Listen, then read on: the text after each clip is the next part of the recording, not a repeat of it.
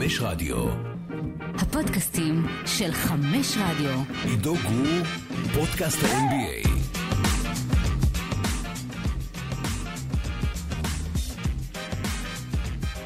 יום רביעי, ה-18 במאי, חזרנו, סליחה על ההיעדרות הקצרה סלש ארוכה שהייתה, ועוד בתקופת הפלייאוף, אבל uh, זה לא כל כך פשוט לחיות גם את השעות של ה-NBA וגם להספיק להקליט פודקאסטים במקביל, וכשהיינו פה גם עם חגים וימי זיכרון וימי שואה וכולי, אז uh, עכשיו אנחנו כאן וחזרנו uh, מצוידים עם חולצות של מיאמי ובפודקאסט שמבחינתנו הוא פודקאסט חגיגי. מאוד אה, חגיגי. זה הפודקאסט הראשון שאנחנו מקליטים, שבעצם אנחנו פתוחים להאזנה גם באפל וגם בספוטיפיי, אה, וכולם יכולים גם לשמוע. בגוגל. וגם בגוגל. אה, יפה, ג'ובה, מה העניינים? בסדר, עידו, מה קורה? אה, בסדר גמור, אנחנו נכנסנו עכשיו לליגה של הגדולים, ישמעו אותנו כן. קצת יותר אנשים. אני לפחות מבסוט מזה. כל גמר בארבע קבוצות שנשארו, אני שמח עליו. לא משנה לי מהארבע האלה מה יהיה הגמר, אני יודע מה הפייבוריט שאני רוצה שיהיה ברמת הסיפור. זה מיאמי דאלאס. כן, פעם זה שלישית. מחזיר אותנו ל-2006 ול-2011. נכון, זה יהיה מגניב מאוד.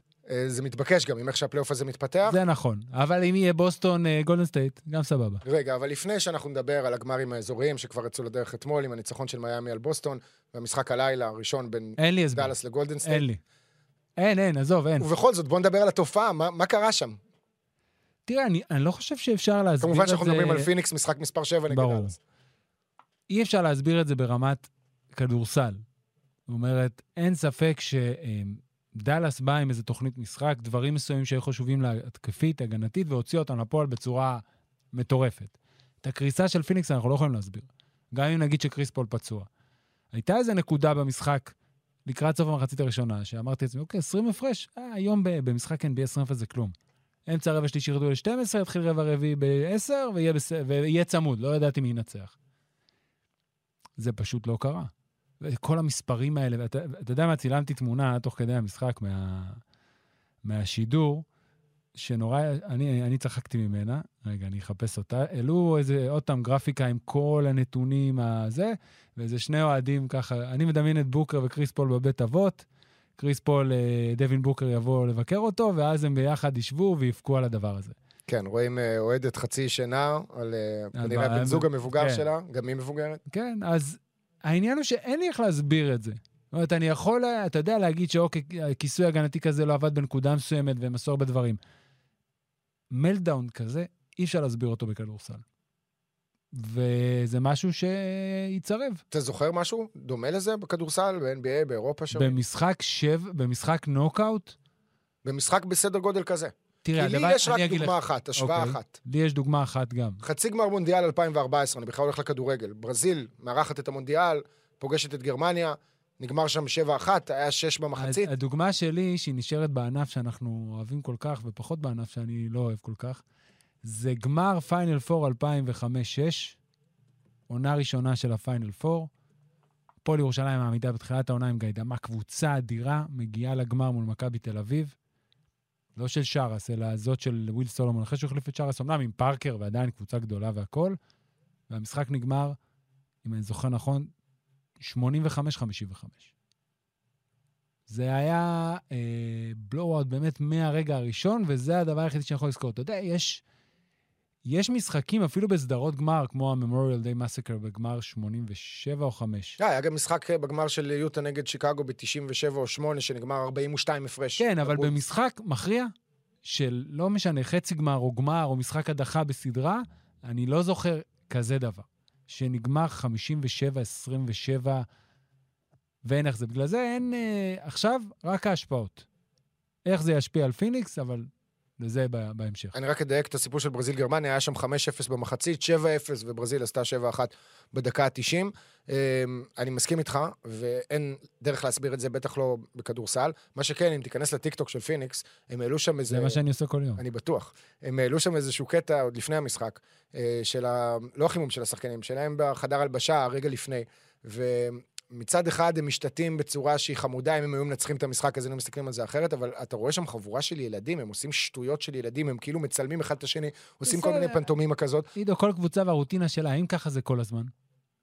זה לא מה שמשפיע. זה לא מהדברים שאתה צריך להסתכל להגיד, בגלל זה הם הפסידו. אוקיי, אבל כאן אתה מסתכל על, על ההיסטוריה של המשחק הזה ועל המודלים לחיקוי של המשחק הזה. אה, קובי בריינט, אחד, שגם אה, הוא זה שדווין בוקר מסתכל עליו שנים ומעריץ אותו ומנסה, או ניסה ללמוד ממנו כל דבר אפשרי, ואתה אומר לעצמך, Game 7 זה סיפור אחר. אתה צריך לבוא אליו בפוקוס אחר, בגישה שונה, וכשהם מסכמים גם את כל הסיפור הזה של פיניקס, אז בתכלס, נכון שמיקל ברידג'ז שיחק בגמר מכללות, אפילו שניים כאלה, שזה סוג של משחק נוקאוט באותה רמה, נגיד, אה, מבחינת הלחץ. אבל באופן כללי, כל ה... הגישה למשחק וההגעה למשחק הייתה קלוקלת בצורה מאוד מאוד רצינית, בגלל שפיניקס לא הגיע למעמדים האלה לפני, בגלל שאף שחקן שם לא שיחק במשחק מספר 7, זה לא קרה להם בעונה שעברה, חוץ מקריס פול, כמובן, מבין השחקנים שהיו חלק מהרוטציה. שכחתי איזה מישהו בקצה הספסל, ג'אוול מגי, אוקיי, כנראה שיחק באיזה משחק 7. אמ, אבל גם הוא איבד קצת מהדקות שלו. בקיצור, שורה תחתונה, אני, אני מסכים איתך לגבי ההשלכות, ונראה מה ההשלכות. בינתיים ראינו את פיניקס מוציאה הצהרה בחשבון הטוויטר, אני מניח שגם אה, בכל הרשתות, אה, שאין שם התנצלות, אבל כן יש שם ניסיון להרגיע ולעודד את האוהדים, שיהיה קשה מאוד לעודד אותם. קריס פול נשאר בקבוצה, יש לו חוזה לעוד שלוש שנים, אה, הוא חתם על הארכת חוזה בקיץ האחרון, ואני מכה על חטא עכשיו, כי לפעמים בניתוחים אני קצת נסחף אחרי העדר, אני מודה. וזה לא עכשיו חוכמה בדיעבד. בזמן אמת, כשהפלייאוף התחיל, אני היה דבר אחד שהטריד אותי בפיניקס, וזה הספסל שלה. יש לה את החמישייה הכי טובה בליגה כנראה, גם ההפסד הזה לא ייקח ממנה את זה. אבל כשאתה מסתכל על הספסל, על השנה של קמרון פיין שנמחק מהרוטציה באיזשהו שלב, עוד בסדרה הקודמת של פיניקס, נגד ניו אורלינס, אה, ולנדרי שמט שמשחק יותר דקות, קם ג'ונסון שלא פגע. אז בסדר, ג'אווייל מגי לפעמים, קצת ביסמק ביומבו. לא, ג'ונסון בסדר, אין לך סיום כלכלה מוביל במשחק המטורף הזה. בסדר, זה כבר לא רלוונטי במשחק של כן, אני מסכים שהספסל קצר, אני לא חושב שזה, אבל אתה יודע. הם פספסו את ההזדמנות שלהם, ג'ובה? כי בשנה הבאה הם יקבלו את הקליפרס בריאים, עם קוואי ועם פול ג'ורג', והם יקבלו את דנבר בריאה. והם יקבלו את ניו אורלינס עם בחירה שמינית בדראפט, נדבר גם על זה אגב. האוהד השרוף עופרי אמרמי שבדיכאון מאז יום זה, אמר זהו החלון שלנו נגמר. אמרתי לו, תראה, אי אפשר לדעת. כל, אתה רואה כמה פציעות יש בכל עונה ובכל פלייאוף. ככה עכשיו, גמר מזרח. מתחיל גמר מזרח, אין מרקוס מרטין על הורפורד. בתיאוריה, הם כולם בריאים, אז כן, החלון נסגר. אבל כבר א', אין יותר כולם בריאים. זה כנראה הולך ללוות אותנו כל שנה מההתחלה, וכל שנה אנחנו נהיה עצובים מזה ונגיד למה משחקים ככה הרבה משחקים. זה דבר אחד. דבר שני, בסופו של דבר, דווין בוקר, בן 26, אז אם קריס פול כנראה בחלון הזה לא יצא, אתה עדיין יכול לעשות... אתה יכול לבנות סביב תוך פול... תוך שנתיים, שלוש, עוד פעם קבוצה גדולה סביב דווין בוקר. בוקר, אייטון ומיקל ברידג'ס, בהנחה שאייטון יחתום על... נראה לי שאייטון לא נשאר. בקיץ. גם אני חושב שהוא לא נשאר. תחושה שלי הם יעשו או sign and trade, או כבר trade עכשיו, ו... או לא ישבו, אם הוא יקבל הצעה. אבל זה הכי מטומטם מכל האלטרנטיבות. side אה, story של כל הדבר הזה של פיניקס. כל, הסע... כל פיניקס זה side story בגמרים אזוריים של הפרק, שזה שמו של הפרק. אה, זה שמו של הפרק? ככה החלטתי עכשיו. יפה. הנה, אתה לוקח אה, פיקוד, צריך אה, לשנות את הפתיח בהתחלה. אה, ואגב, ארד, היה לנו פתיח כבר עם פודקאסט ה-NBA של ערוץ הספורט, לא, לא צריך אה, תמיד.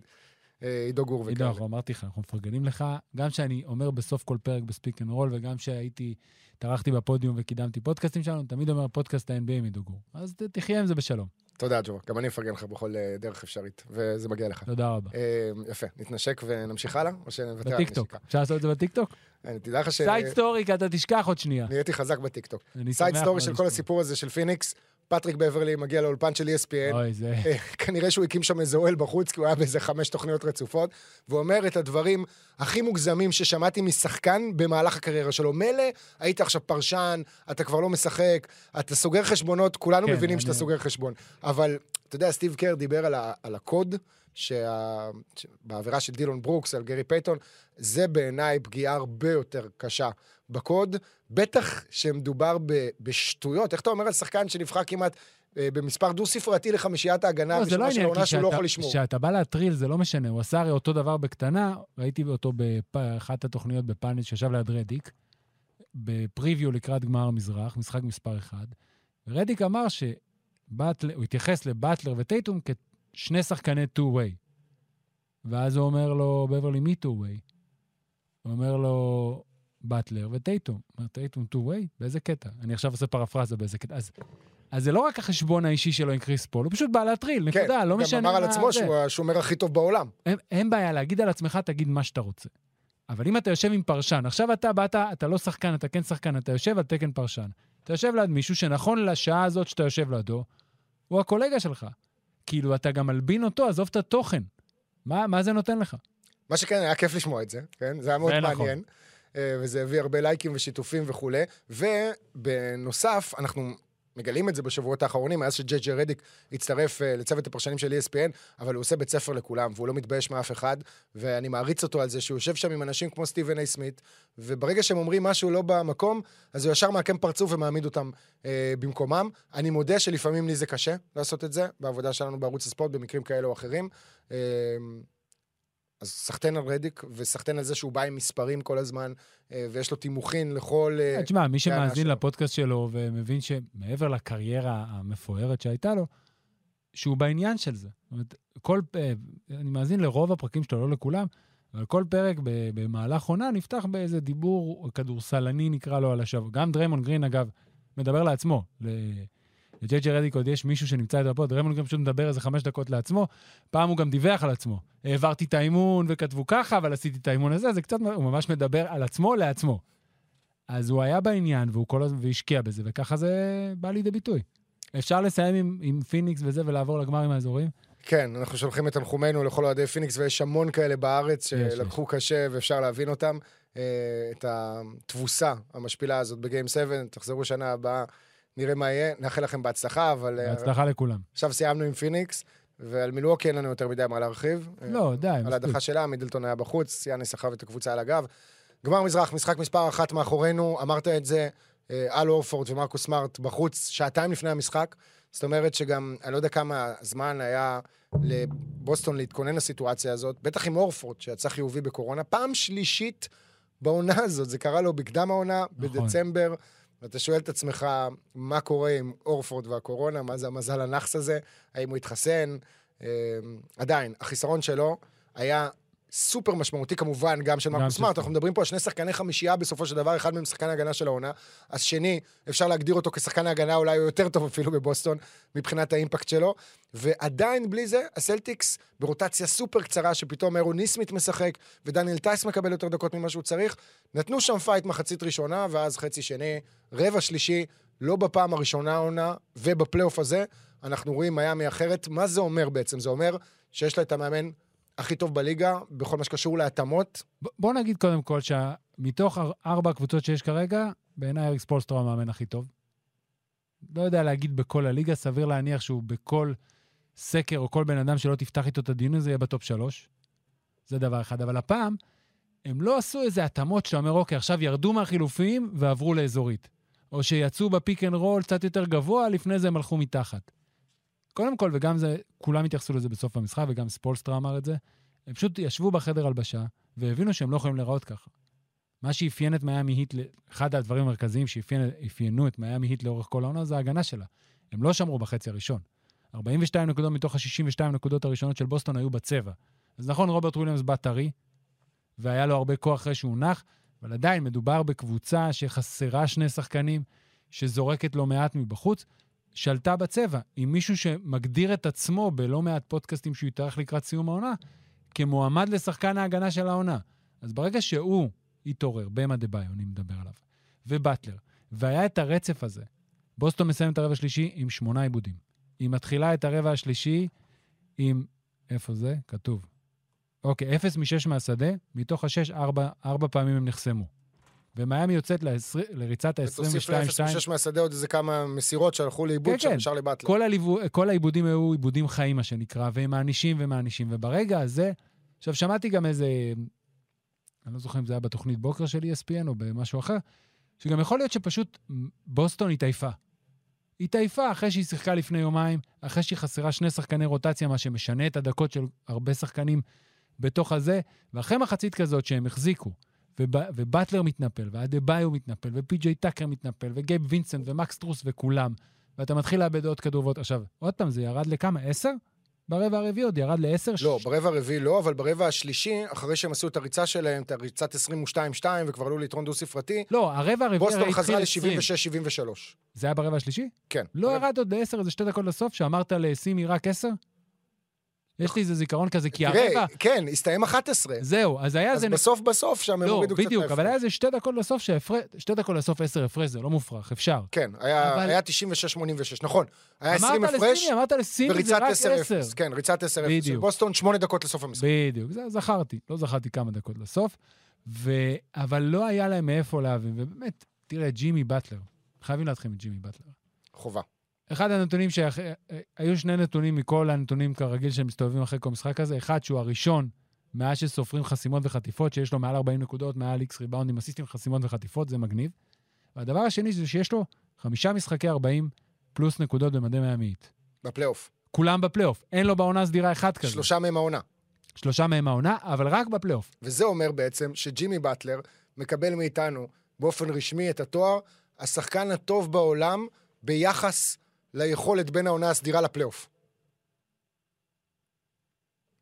לא, אתה לא חושב? יש את אה, פלייאוף באטלר קוראים לזה. נכון. זה הניקניימס שלו כבר בשנים האחרונות, זאת לא היה- פעם ראשונה. היה באבל באטלר, היה, כן, ונהיה פלייאוף. באטלר. כן. אה, מה שהוא עשה בבועה, גם עם כל המותג קפה שלו, וכל נכון. הסיפורים עם רייצ'ל סימונס.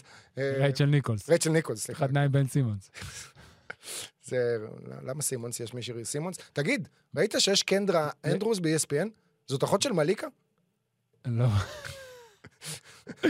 לא בדקתי, אולי, לא הסתכלתי, צריך לבדוק. תרים טלפון לרייצ'ל. אני צריך לבדוק את זה. בכל מקרה, באטלר בגמר ההוא נגד אה, הלייקרס, ועוד לפני, בסדרת גמר המזרח, נגד בוסטון, בוסטון. לפני שנתיים, אה, נתן באמת אה, מספרים מטורפים ביחס למה שהוא היה עושה בעונה הסדירה, גם ברמת הקבלת החלטות שלו, ה-usage rate שלו, כמות הזריקות מחוץ לקשת, האחוזים מחוץ לקשת, הוא פתאום שחקן אחר. הוא כזה, הוא עש... יש לו, יש קטעים שהוא נהיה bully. הוא פשוט מקבל את הכדור, ויש קטעים שהוא עושה את זה, אתה יודע, נגיד לפעמים מתחילה התקפה, כמו בהרבה משחקי כדורסל שאתה רואה, מחפשים, חיפשו לעשות חילוף כדי לקבל את פייטון פריצ'רד. אז גם יש מקרים שהוא כבר מקבל אותו בחילוף, והוא עדיין הולך לצד השני כדי לקלוע לשחקן הגבוה יותר. והוא קיבל עזרה, זה מה שהיה. מיאמי התעוררה כולה, חצי ראשון רק טיילר הירו, זה מישהו שאתה ראית שהוא מחזיק בשיניים את ההתקפה. עדיין שיא הנקודות שלו בקריירה זה ה-37 במשחק מספר 3 באותו גמר מזרח לפני נכון. שנתיים נגד בוסטון. ובאמת שהמשחק עומד, ומיאמי לא הצליחה לרוץ יותר מדי או לכפות יותר מדי עיבודים במחצית הראשונה, קשה להם. קשה להם רק כשיש לך את באטלר ואתה ניזון ממנו. חצי השני, סטרוס, 11 נקודות, וינסנט, 12 נקודות. יש עזרה, באטלר משיג את הנקודות, הקבוצה רצה, זאת אומרת, אין את הבעיות במשחק עומד.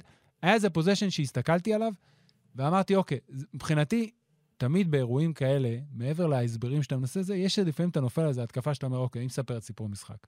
לפעמים זה החטאה שנהייתה מתפרץ, לפעמים זה איזה חטיפה. פה, 5.42 דקות לסיום המשחק, טק, טאקר, פי.ג'יי טאקר שומר על טייטום, מה שהוא עשה רוב המשחק. נצמד לו, מעיף לו את הכדור. בא לחטוף, אבל מאבד אותו והכדור חוזר לטייטום. אז אדה-ביו בא מיד ונצמד לטייטום. טאקר חוזר. טייטום, כבר מספיק חכם, אומר יש עליי שניים, למטה יש את הגבוה, לדעתי זה היה טייס. מוריד מהר לטייס, עוד לפני שהכדור מגיע לידיים של טייס, ג'ימי באטלר כבר שם, צמוד לגופייה של טייס, והכדור, אה, והוא מחטיא עיבוד כדור ויוצאים צד שני. וזה בדיוק היה הטירוף ההגנתי שמיאמי נכנס, ובוסטון, בין אם זה עייפות, בין אם זה אה, ערב לא, אה, מחצית שנייה לא טובה של ג'ייסון טייטום, בין אם זה שני השחקנים שחסרים שזה משפיע, לא מצא לזה פתרון. השאלה אם יהיה לה פתרון בהמשך הסדרה הזאת, ואנחנו לוקחים בחשבון שאורפורד לא ישחק. במשחק מספר 2, אנחנו גם גם לא יודעים, סמארט אולי. אנחנו גם לא יודעים מה יהיה במשחק מספר אבל 3. בוא נפתח סוגריים לדבר הכי גדול אתמול. אוקיי.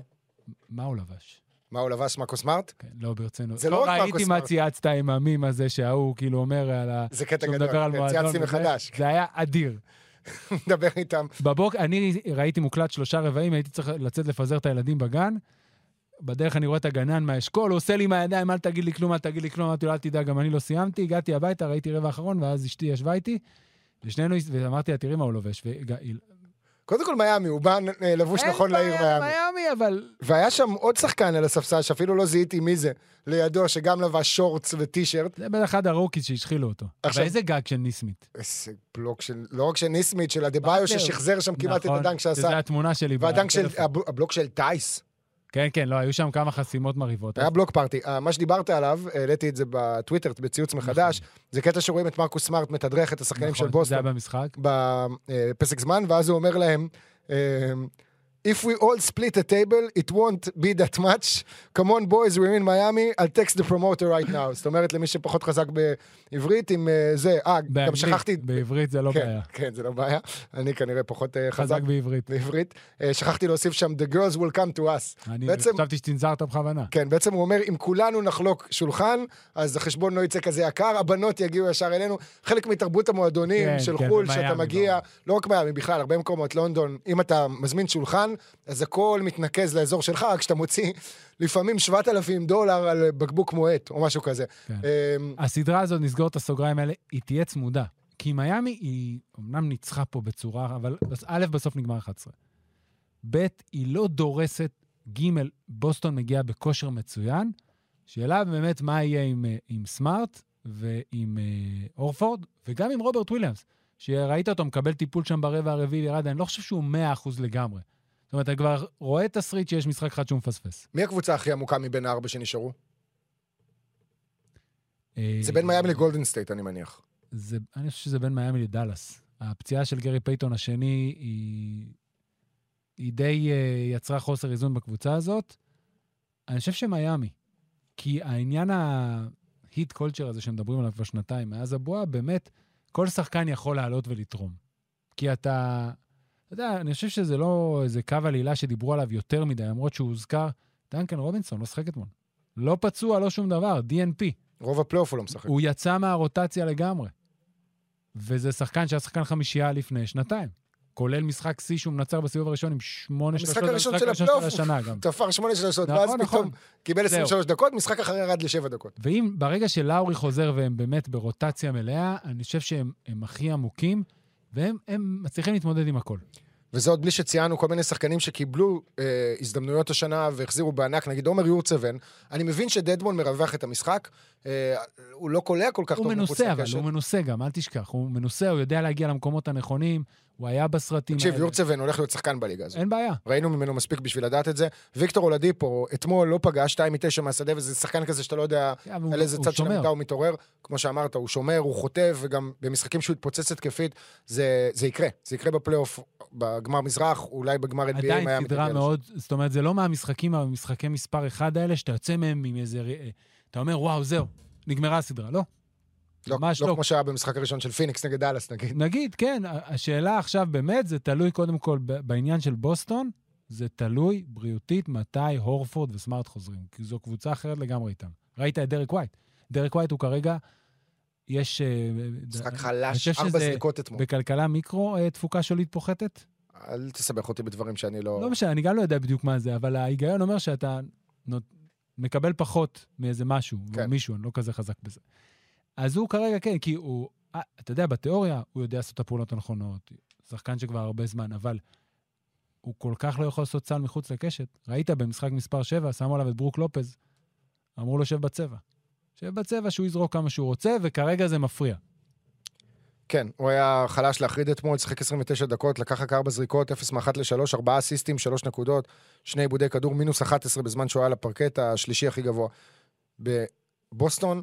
והסלטיקס גם, אתה יודע, אתה מסתכל על גרנט וויליאמס אתמול, שחקן שלקח 18 זריקות לשלוש במשחק מספר 7 נגד מילווקי, אוקיי, זאת הייתה תוכנית המשחק של מילווקי, אבל עדיין, הוא ירד לחמש זריקות בסך הכל אתמול, ב-35 דקות.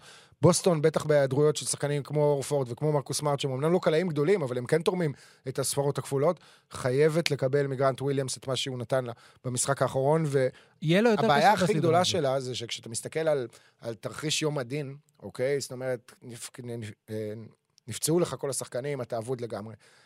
למיאמי, הזכרת את אה, דנקן רובינסון, יש את מרקיף מוריס, שחקן שאומנם לא משחק כמעט כל השנה בגלל שיוקיץ' עשה לו טוטאל לוס, כן. אבל עדיין, הוא היה במעמדים כאלה, בפלייאוף, במשחקים עם הרבה מאוד אלוף עם אמוציות. הלייקרס. הוא אלוף עם הלייקרס, היה לו את התקופה הזאת בבוסטון. בוושינגטון. נגד, סליחה, בוושינגטון, במשחקים משחקים נגד בוסטון. אחיו שיחק אז, מרקוס נכון?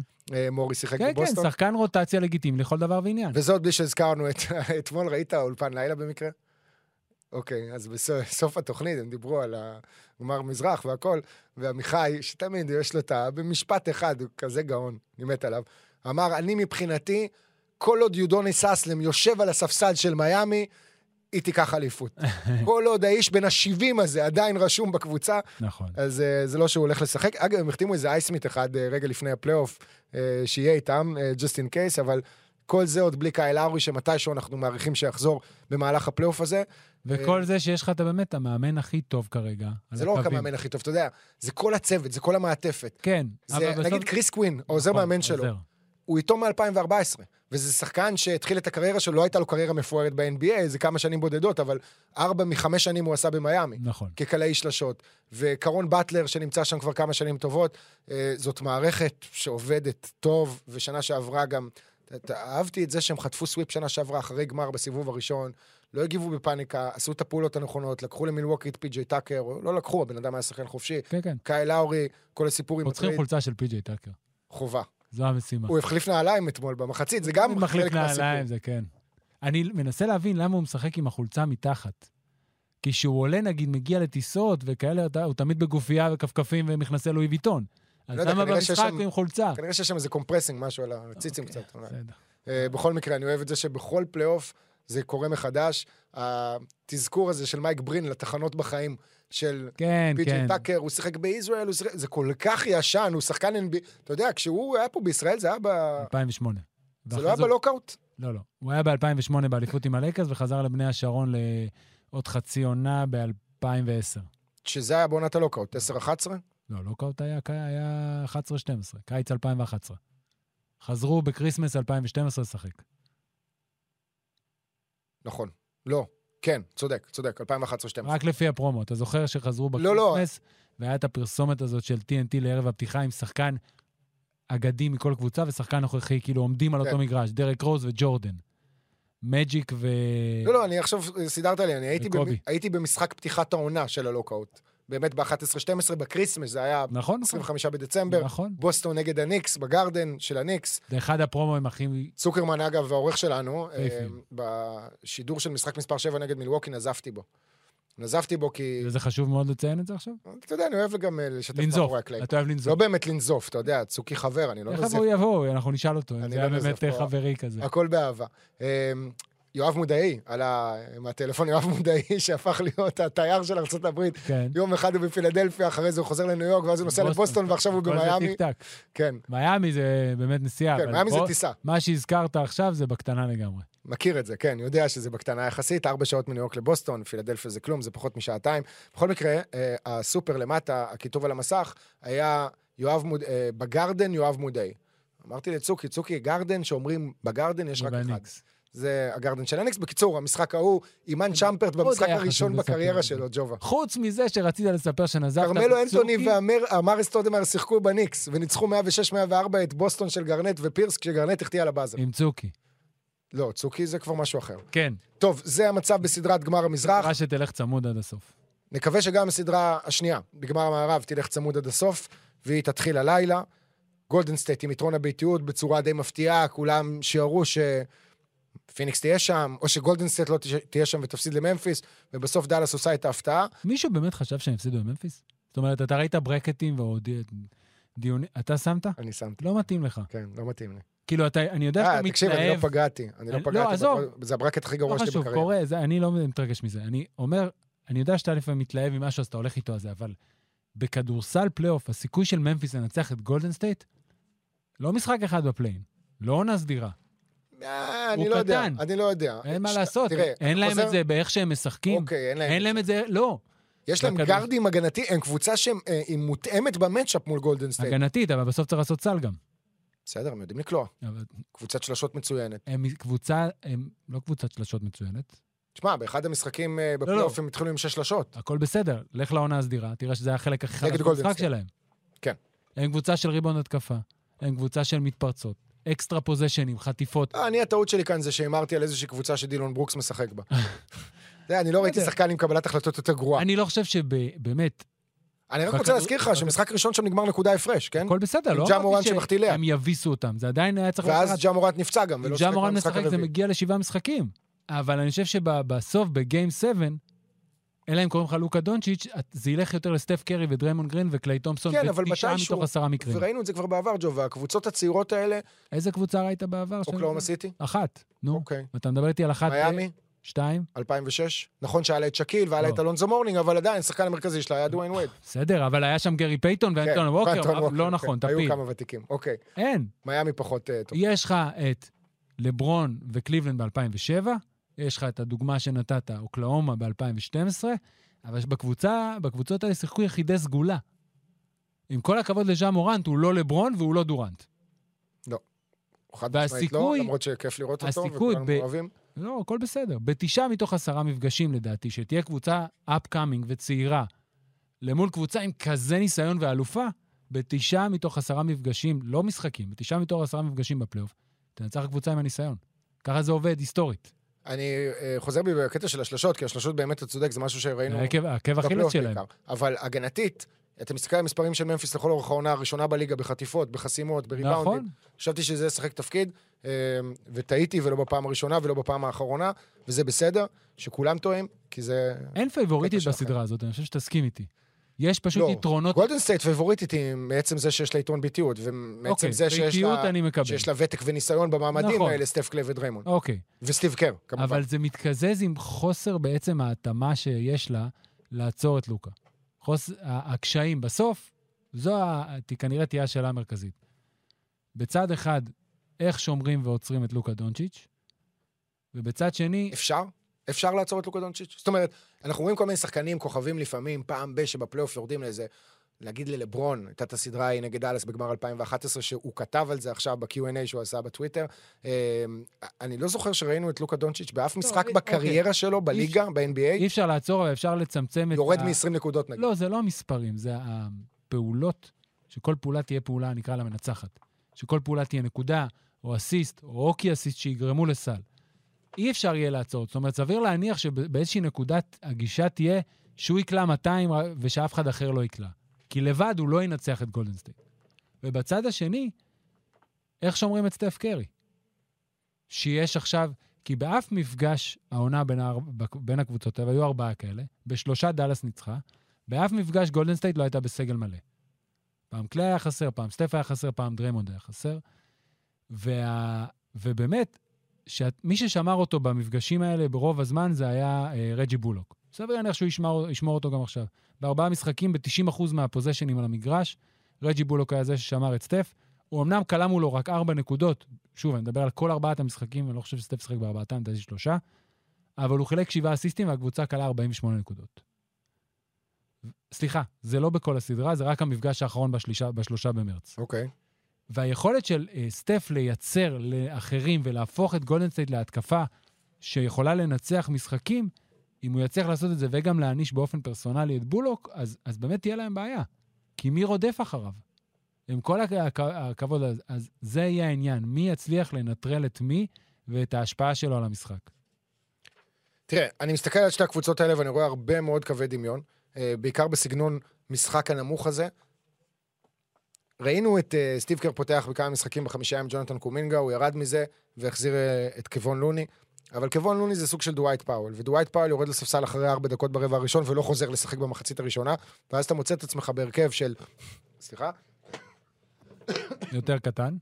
בין אם זה לוקה או ג'לן ברנסון שהם באחד, אז מסביבם יש שחקנים כמו דינווידי ורג'י בולוק. ודוויס ברטנס ודוריאן פיני סמית כמובן, שהוא אולי האקס פקטור הכי משמעותי של דאלאס, והם עושים את העבודה, וכולם קולעים טוב מחוץ לקשת, ראינו את זה בסדרה הקודמת, גם פיני סמית, אה, עם כמעט שלוש בסך הכל הם גם הפועל חולון. של העונה שעברה עם דונצ'יץ'. בדיוק, אחד לאחד. בדיוק אותו דבר. אותה קבוצה, רק צבעים אחרים. אה, אני חושב שאנחנו צריכים גם לתת הרבה מאוד קרדיט לג'ייסון קיד, בן אדם ש... המון. שחטף אה, במהלך קריירת האימון שלו, גם במהלך קריירת המשחק שלו, עם כל מיני עניינים של מחוץ למגרש, כן? בסדר, לא רלוונטי עכשיו. לא, בסדר, אתה מסתכל על התקופה שלו במילווקי, השנה. בברוקלין, הקרדיט מגיע לו, כל הקרדיט שאתה עומד לתת לו, זה על העונה הזאת. וזה, אני בטוח, אה, קצת אה, מציק וכואב לריק ארלייל, שראינו את הבעייתיות ביחסים בינו לבין לוקה דונצ'יץ', ואנחנו רואים עכשיו את ג'ייסון קיד מתנהל בפאסון, השיחות שלו במהלך משחקים, יש בו איזה רוגע כזה, שאני לא זוכר הרבה זמן... לא מ- היה לו לפני. לא היה. לו, הוא כאילו מדבר, אתה יודע, מלמעלה, כאילו כבר לקח, כאילו פטריילי לקח איזה חמש אליפויות בתור מאמן, בתור GM, כאילו הוא כבר ראה את הכל, למרות שהוא בחיים לא היה במעמד כזה בתור מאמן, נכון? הוא לא עשה גמר אזורי. בתור אה, עוזר מאמן הוא היה. בתור עוזר מאמן הוא לקח אליפות עם נכון. הלייקרס. אבל יש הבדל גדול, ואתה רואה את ההתאמות שהוא עושה. יש עכשיו איזה קליפ שרץ ממשחק מספר 7 מהמחצית הראשונה. נכון. ש- שהיה בשידור גם, נכון, עם ה-audio assist. כן, שהוא, דיברנו על זה. מכוון את כן. ההגנה, כן. שהוא מכוון את ההגנה, שהוא איתה ממש בכל רגע, כל, כל. פעולה, הוא קופץ עם הידיים, עושה תנועות, אה, באמת שזה היה תראה, זה- מדהים לראות. זה מדהים לראות, כי כשאתה נכנס ומפרק את זה בתוך סדרה, אתה קודם כל, הוא התעלה על מאמן העונה. בוא נשים את זה על השולחן. מונטי יונס נבחר, ובצדק, למאמן העונה. ג'ייסון קיד עשה דברים שהתעלו. הרי, שהזכרתי את זה, ואם, לא, ואם שמעתם את זה, אז סליחה שאני חוזר על עצמי, אני נחזור תמיד למשחק מספר 2, שבו 18 פעמים פיניקס מחפשת את אה, לוקה בחילוף כדי להעניש אותו. האם במשחקים 6 ו-7 אתה זוכר דבר כזה? לא. לא. כי אה, בא אה, ג'ייסון קיד ושינה איזה משהו. מה הוא שינה? ד, אה, דונצ'יץ' כבר לא עושה חילוף, ואז נותן להתקפה את מה שהיא רוצה.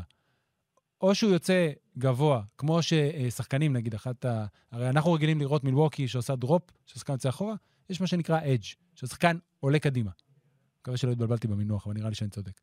אז הוא יצא, החזיק את הגארד, עיכב אותו, השחקן של הגארד חזר, והוא חזר אחורה לשחקן שלו. במקרים שהשחקן שלוקה שמר אותו, בעצם שחסם, ברח רחוק מדי, אז לוקה לא חזר אליו, והיה חילוף משולש או מרובע. ודאלאס שומרת נהדר כל העונה, והרוטציות והתקשורת בין השחקנים נראים טוב. עכשיו, זה שינוי באמת קטן מאוד, אבל הוא עשה את ההבדל. וזה שינוי שיש בו יותר מעניינים מקצועיים, יש בו גם אה, אה, אלמנטים פסיכולוגיים. לגמרי, למכור את זה לשחקנים. ג'ייסון קיד אה, השתמש בדוגמה שלו בתור שחקן בדאלאס בקבוצת האליפות, וביכולת ההגנתית הלוקה בחסר שתמיד הייתה לדירק נוביצקי, על רקע הרגליים הכבדות שלו והחוסר אתלטיות. הוא אמר לנוביצקי באותו זמן, וזה מה שהוא עכשיו סיפר ללוקה דונצ'יץ' בהכנה למשחקים שלוש והלאה בסדרה הזאת, אתה חייב לתת לנו את השתי שניות האלה, אוקיי? השנייה וחצי, שתי שניות, שברגע שיש פיק, אתה יוצא בצורה אגרסיבית מעכב, אנחנו אחרי זה נחזור. כשאני וטייסון צ'נדלר שיחקנו יחד עם דירק, אנחנו תמיד חיפינו עליו. היינו צריכים ממנו רק את המאמץ הראשוני הזה, שיעכב טיפה את ההתקפה. לא להפיל אותנו. בדיוק. וברגע שזה קרה, ראית איך שון מריון, אני... במקרה הזה יש לך אה, את אה, דוריאן פיני סמית ואת אה, ג'לן ברנסון. קליבר ואת רג'י. בולוק, ש... רג'י בולוק, אתה יודע, מדהים. מדברים הרבה על כמה קריס פול קרס בסדרה הזאת, אחרי שני משחקים ראשונים נכון. מצוינים. זה רג'י בולוק יותר מהכל, וגם רג'י בולוק, אתה, אתה מכיר את הסיפור. לא יודע אם לקרוא לו פיקנטרי, אבל רג'י בולוק היה השחקן הראשון במחנה AAU של קריס פול, שהפך להיות מקצוען ב-NBA. וואלה, לא ידעתי. אז הוא עבר איתו כברת דרך, כן. אה, והם מכירים שנים, בכלל, גם לקריס פול היה את הסיפור הזה עם אה, ג'לן ברנסון. הוא הרי כן, התאמן. עם אבא שלו, נכון. וג'לן ברנסון בתור ילד היה מגיע לאימונים, נכון, והוא ליווה אותו. במהלך הדרך, הגיע איתו גם לגמר המכללות לראות אותו וכולי, אז היה שם קשר הדוק. בכלל, אני מת על הקשרים האלה של שחקנים ששיחקו בקולג'ים או בתיכונים, היו כמה כאלה בסדרה האחרונה. אה, טוב, כל היופי הזה מתחיל הלילה. כן, אבל רג'י, בשעה ארבע. חייבים לציין, גם מתחשב במה שאמרתי קודם, ומה שאתה אומר, שרג'י בולוק שמר על קריס פול, אז קריס פול שהוא עם הכדור, הוא עושה את הפיק אנד רול ומפה הכל זה. ורג'י בולוק הצליח לעבור בין החסימות ולהסתדר עם הדברים האלה בתוך הסכמות ההגנתיות של ג'ייסון קיד, זה היה יותר קל. סטף, אתה צריך לרוץ אחריו. ולא פעם אנחנו מכירים שסטף קרי רץ, מקבל את הכדור, מוריד מהר מדריימונד, רץ כבר לצד השני. זה ז'אנר אחר של שמירה. רג'י בולוק שחקן הגנה מצוין. אתה יודע מה, אני חוזר איתך אחורה לשיחה שלנו על אה, הפרשנים של ESPN, ועל פטריק בברלי, אה, ג'יי ג'יי רדיק וסטיבן איי סמית. היו אתמול אה, ב-First Take, Get Up, לא זוכר כבר איזה מהתוכניות, הוא היה בכולם. ונשאלו, כדור אחרון, משחק צמוד, מי אתה מעדיף שיזרוק? סטף או לוקה? ואז קפץ אה, סטיבן איי סמית ואמר סטף, סטף, ברור. ואני לא זוכר מה פטריק בברלי אמר, אבל ג'יי ג'יי רדיק אמר, מה? לוקה, מה? על מה אתה מדבר? כאילו, תחשוב כמה צריך לעבוד בשביל לסדר לסטף באמת את המצבים האלה, את הזריקות האלה, כמה שאר השחקנים צריכים לעבוד. לוקה, אתה רק נותן לו את הכדור, הוא כבר יעשה מש- מזה משהו. סטף, אתה צריך להזיז את כל ההתקפה ולפנות לו אזורים, וזה לא שחקן עכשיו שנכון, יש לו יכולות דריבל מדהימות, אבל ברמה הפיזית הוא לא יכול לקחת שחקן על הגב שלו בפוסטה ולחפור עליו, ואתה יודע שזה יסתיים בנקודות או לכל הפחות בעבירה, כמו במקרה של לוקה דונצ'יץ'. בכל מקרה, זאת סדרה מרתקת. אה, זאת הסדרה שלא ידענו שאנחנו צריכים, לא האמנו באמת שנקבל אותה, כי כן. הראשונה והשנייה הלכו הביתה. קח עוד נתון מסקרן, סתם, שחיפשתי כל מיני דברים.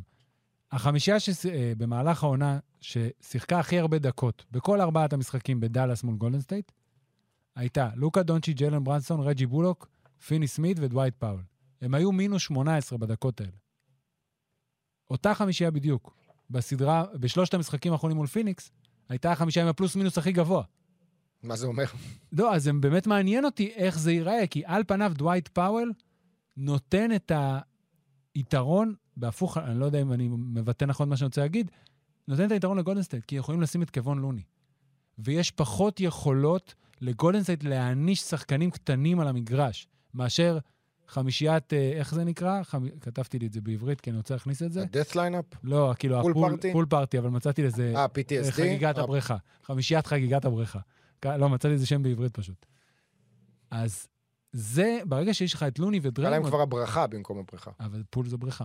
בסדר, אבל תשחק פה, משחק מילים כזה. הבנו, הר בגלל. זה הגעת לבריכה, כן. וזאת חמישיית הברכה. ו- וזה באמת יהיה מעניין לראות איך החמישייה הזאת, שלא הייתה טובה מול גולדנסט, ואני מבין למה, והייתה מצוינת מול פיניקס, במה ג'ייסון קיד השתמש. אני מניח שאנחנו נראה יותר דקות של קליבר, כי במשחק השחמט המסוים הזה בין המאמנים, שפאוול יהיה על המגרש, סביר להניח שלוני יהיה המגרש. ואז עדיף להוציא את פאוול ולוני יוצא, כי אז גולדן סטייט נהיית קטנה. ופה ייכנס למשוואה אחד ה-X factorים המאוד משמעותיים בתוך הפאזל הזה, וזה אוטו פורטר. גולדן סטייט חייבת את אוטו פורטר בריא, כדי להחזיק דקות בעמדה מספר 5 ולהסתדר עם, עם הגנה כזאת או הגנה אחרת, או מי שומר את לוקה ואיך עושים רוטציות. כי אחד הקשיים ב-small ball זה שאתה כל הזמן צריך לעשות רוטציות, ויש לך מרחקים, וכשאתה משחק מול קבוצה שעושה חמישה שחקנים בחוץ וכולם צריכים להגיע ממקום למקום, אז אתה צריך גבוהים שיכולים לזוז. יהיה מרתק. כן. אה, בזה אני בטוח, והסדרה הזאת, אה, אני חושב שתגיע לפחות לשישה משחקים. עכשיו, שיר השבוע? אני רוצה שתשמע משהו. לא, עוד לא שיר השבוע.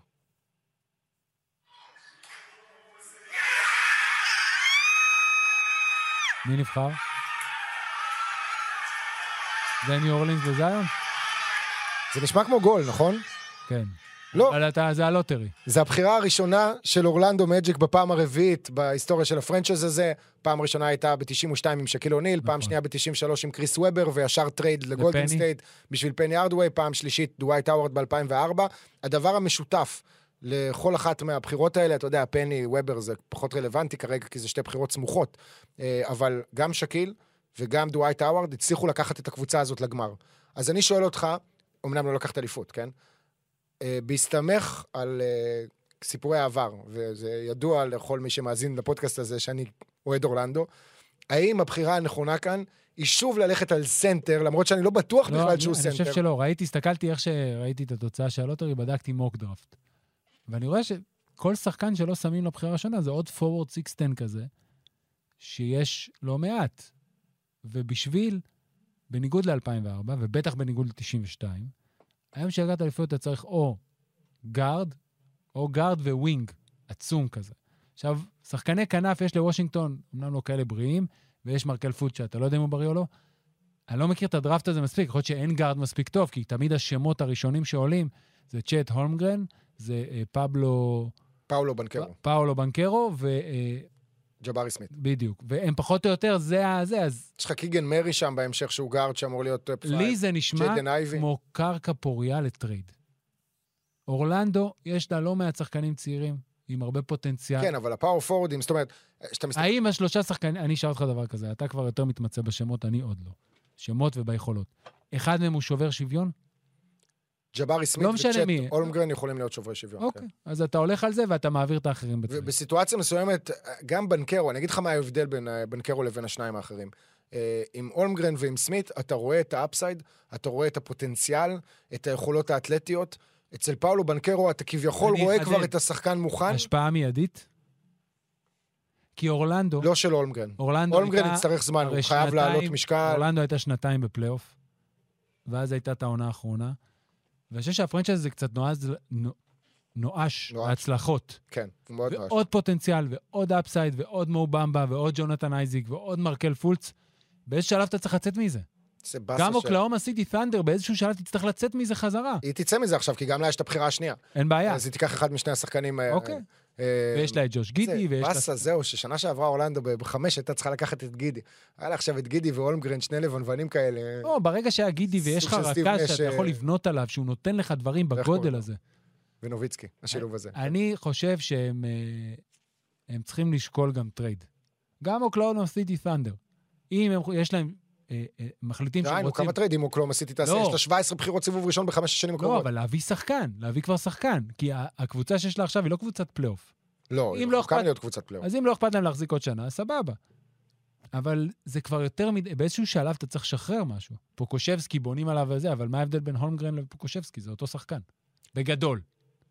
עוד דברים מעניינים ב lottery, סקרמנטו הביא את דומאס סבוניס בטרייד, על טייריס הליברטון, כולנו חשבנו שזאת הייתה טעות עצומה, יכול מאוד להיות שזאת לא הייתה טעות, כי הוא הקמע, הוא הביא לקינגס את הבחירה הרביעית, שוב, זה לא אחד מהשלושה שחקנים שדיברנו עליהם, הם, אה, יהרסו גם את זה, זה בסדר. הייתה להם בחירה שנייה ויצא מזה מרווין בגלי.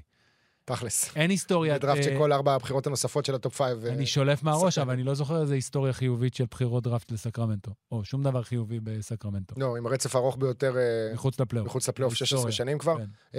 אני רק אחזור לשמחה המתפרצת הזאת, ומה שהראיתי לך, אני לא יודע בכלל מאיפה זה הגיע. זאת אומרת, ראיתי את זה באינסטגרם של אה, NBA ושל אורלנדו. אה, זה נראה כמו איזה מסיבת דראפט של טחונים, חבל על הזמן, שיושבים בבית עם הקוויאר והשמפניה שלהם וקופצים שם מניצחון בהגרלה.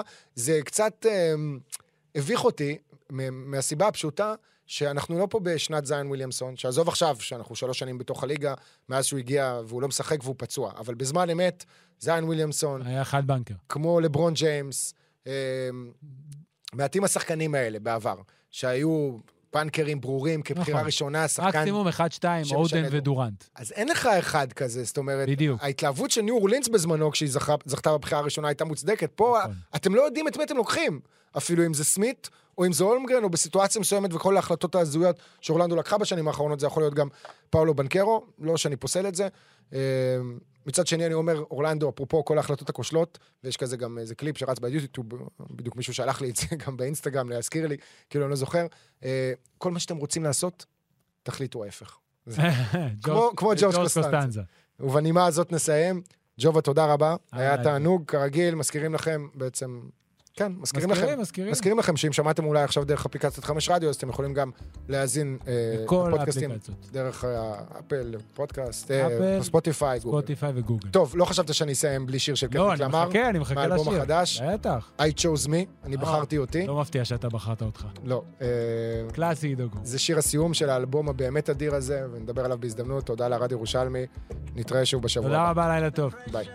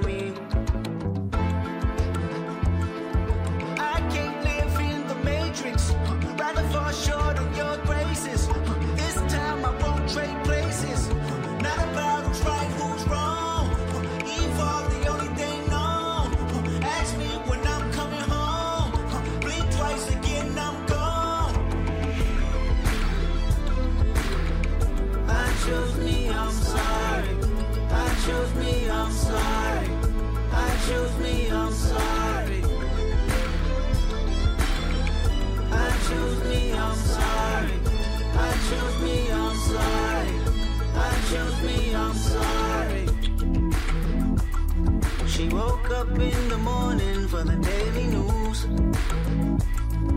I was so low mourning through the family feuds. Baby, I told your story and laid down all the rules. Still, you won't grow waiting on me.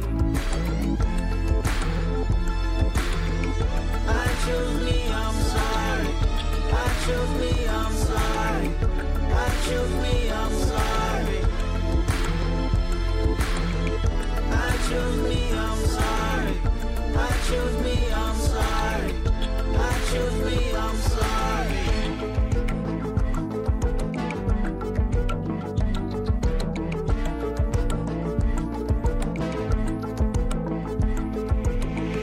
Cause all of it's toxic. Girl, I'm not relevant to giving no profit. Personal gain of my pain is nonsense. Darling, my demons is off the leash for a mosh pit. Baby, I just had a baby, you know she need me. Working on myself and counseling is not easy. Don't you point a finger just to point a finger, cause critical thinking is a deal breaker. Faith in one man is a ship sinking. Do yourself a favor and get a mirror that mirror grievance. They pointed at me so the reflection can mirror freedom. She told me that she need me the most. I didn't believe her. She even called me names on the post. The world can see it. Jokes and gaslighting. Mad at me cause she didn't get my vote. She say I'm trifling. Disregarding the way that I cope with my own vices. Maybe it's time to break it off.